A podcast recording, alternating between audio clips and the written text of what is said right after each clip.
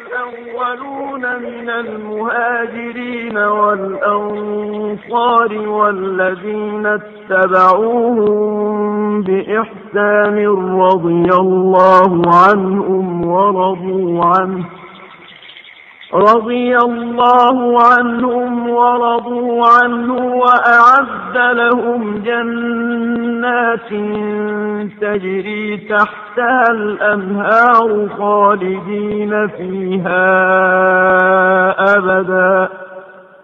ذلك الفوز العظيم. وممن حول je zadovoljan prvim muslimanima, muhađirima i ensarijama, svima onima koji ih slijede dobra djela čineći, a i oni su zadovoljni njime. Za njih je on pripremio dženevske bašče kroz koje će rijeke teći i oni će vječno i zauvijek u njima boraviti. To je veliki uspjeh. Pete godine po prijemu objave, Allahu poslanik i njegovi ashabi bili su vrlo često napadani od strane mekanskih mušrika. Uslijed velike upornosti u davetu, pozivanju u la ilaha illallah, stalno su ih pratile nesreće i neugodnosti. I dok su bili u takvom halu, u tuzi i životnim neugodnostima, poslaniku je došao trenutak kada je bio pun radosti. To je bilo kada je čuo da je Umi Ejmen rodila sina. Ta radost se mogla osjećati i na njegovu licu. Ko je taj sretni mališan koji je donio radost Allahovu poslaniku? Bio je to Usame ibn Zeid. Nije se niko od ashaba začudio velikoj radosti koju je pokazao Allahov poslanik dolaskom na svijetu same.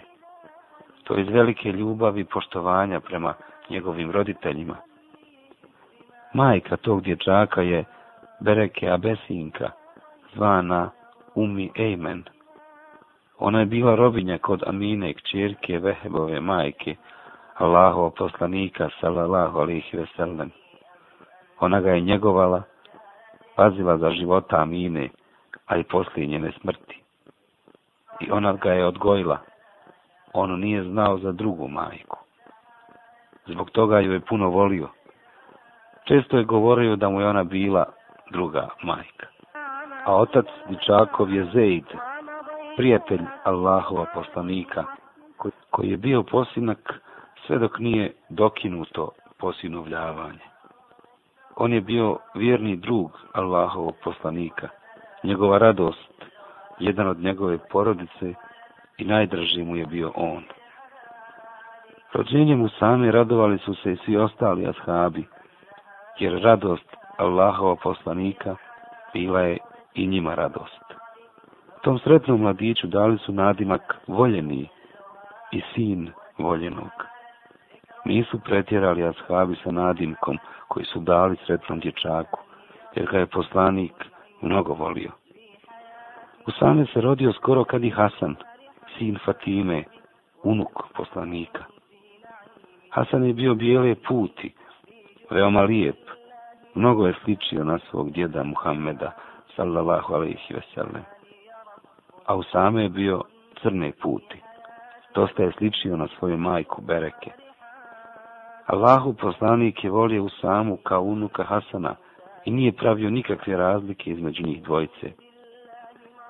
Obojicu bi stavljao sebi u krilo, jednoga na jednu, a drugog na drugu stranu, pa bi obojicu prigrlio i naslonio na prsa, upućujući sljedeću dovu. Moj Bože, ja ih volim, pa zavoli ih i ti. Koliko je Allaho poslanik volio same, najbolje nam govori sljedeći primjer. Jednom prilikom Usame je došao pred vrata poslanika i povrijedio čelo, tako da mu je tekla krv iz rane. Poslanik, kad je to vidio, naredio je Aiši da močisti ranu od krvi. Pošto ona momentalno nije bila u mogućnosti, Poslanik mu je lično očistio ranu i krv sa tijela, tješeći ga riječima punim prijatnosti i nježnosti.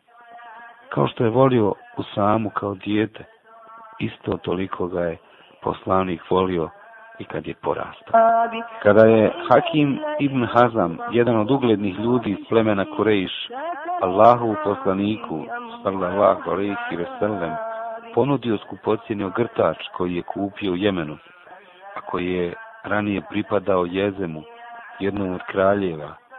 Poslanik nije htio primiti od njega tu hediju, jer je bio mušrik, nego mu je platio taj ogrtač. Poslanik je taj ogrtač obukao jedan put na džumu, a zatim ga je dao u trajno vlasništvo u sami. Radostan i ponosan na taj poklon, u same se šeta ulicama Medine u tom skupocinom ogrtaču sa svojim vršnjacima, muhađirima i ensarijama. Pošto je u same odrastao, kod njega se vidnije zapažala plemenita čud i druga izvanredna svojstva, koja su ga još više približavala Allahu u poslaniku i zbog kojih ga je još više volio. Pored posjedovanja karakternih odlika, Usame je bio i veoma oštrouman, hrabar, mudar, pametan. Svaku stvar je stavljao na njeno mjesto. Bio je krepostan, osuđivao je nevaljalštine. Bio je popularan i obljubljen kod ljudi. Bio je bogobojazan, skroman i drag Allahu Đelešanuhu. Došao je u same sa grupom dječaka Allahu u poslaniku da izraze želju da pođu s njim na uhud u borbu. I uzeo je poslanik neke od njih, a neke odbio zbog toga što su bili i su više mladi. Među onima koje poslanik nije primio, bio je i Usame ibn Zaid. Kada je Usame vidio da nije primljen, vratio se kući žalostan i plačući, što nije i on jedan od boraca pod zastavu Muhammeda sallallahu alaihi ve sellem. Pred bitku na Hendeku došao je Usame ponovo sa grupom dječaka. Usame se propinjao na prste da bi ga ovog puta poslanik primio u svoje redove. Nosio je sablju, a imao je samo 15 godina. U bici na Huneinu, kada su muslimani u prvi mah bili poraženi i kad su pošli da bježe Mekki, Usame je ostao sa malom grupom ashaba uz poslanika, među kojima je bio Abbas, Amidža Allahova poslanika, Ebu Sufjan ibn el Haris, sin njegovog Amidže. Allahov poslanik je sa ovom malom grupom neustrašivih uspio da ostvari pobjedu nakon što su ponovno zbili svoje redove. U bitci na Muti Usame se borio pod vođstvom svoga oca Zejda. Bio je u času smrti svoga oca krajnjega, a tada imao manje od 18 godina. Nije nimalo klonuo duhom zbog smrti oca, nego se i dalje borio kao da ništa nije bilo. Nastavio je da se bori pod vođstvom Džafera ibn Ebi Taliba. Bio je očevidac i njegove smrti, a zatim se borio pod vođstvom Abdullaha ibn Revahe i on je poginuo u toj bici. A zatim je nastavio borbu pod vođstvom Halida ibn Velida uz Allahovu pomoć, zahvaljujući Halidovim vještinama, uspio je da spasi malu vojsku od ogromne i znatno brojnije i spremnije rimljanske vojske. Vratio se u same u Medinu jašući konja svoga oca, na kom je poginuo, a čisto i šehidsko tijelo je ostalo u zemlji Šam. U 11. godini po Hidžri naredio je Allahu poslanik da se spremi vojska za borbu protiv Bizantinaca. U toj vojsci je bilo vrlo mnogo uglednih ashaba kao Ebu Bekr, Omer, Sad, Ibn Ebi Vekas, Ebu Ubejde, Ibn El Džerrah i mnogi drugi ugledni ashabi.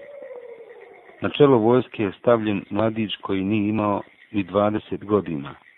Bio je to Usame, sin oslobođenog groba.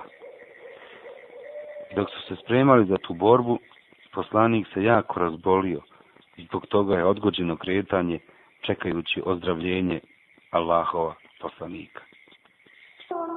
Pošto sam saznao da je Allahu poslanik veoma bolestan, došao sam kod njega zajedno sa ashabima. Kada smo ušli, našli smo ga da šuti. Nije mogao da priča od teških bolova koje je imao u tom času. Podigao je ruku i učio dovu, a zatim je stavio ruku na mene, pa sam primijetio da je dova upućena za mene. Ubrzo je poslanik napustio ovaj prolazni dunjaluk. Za halifu izabraše Ebu Bekra, pa je nastavio sa pripremom za pohod.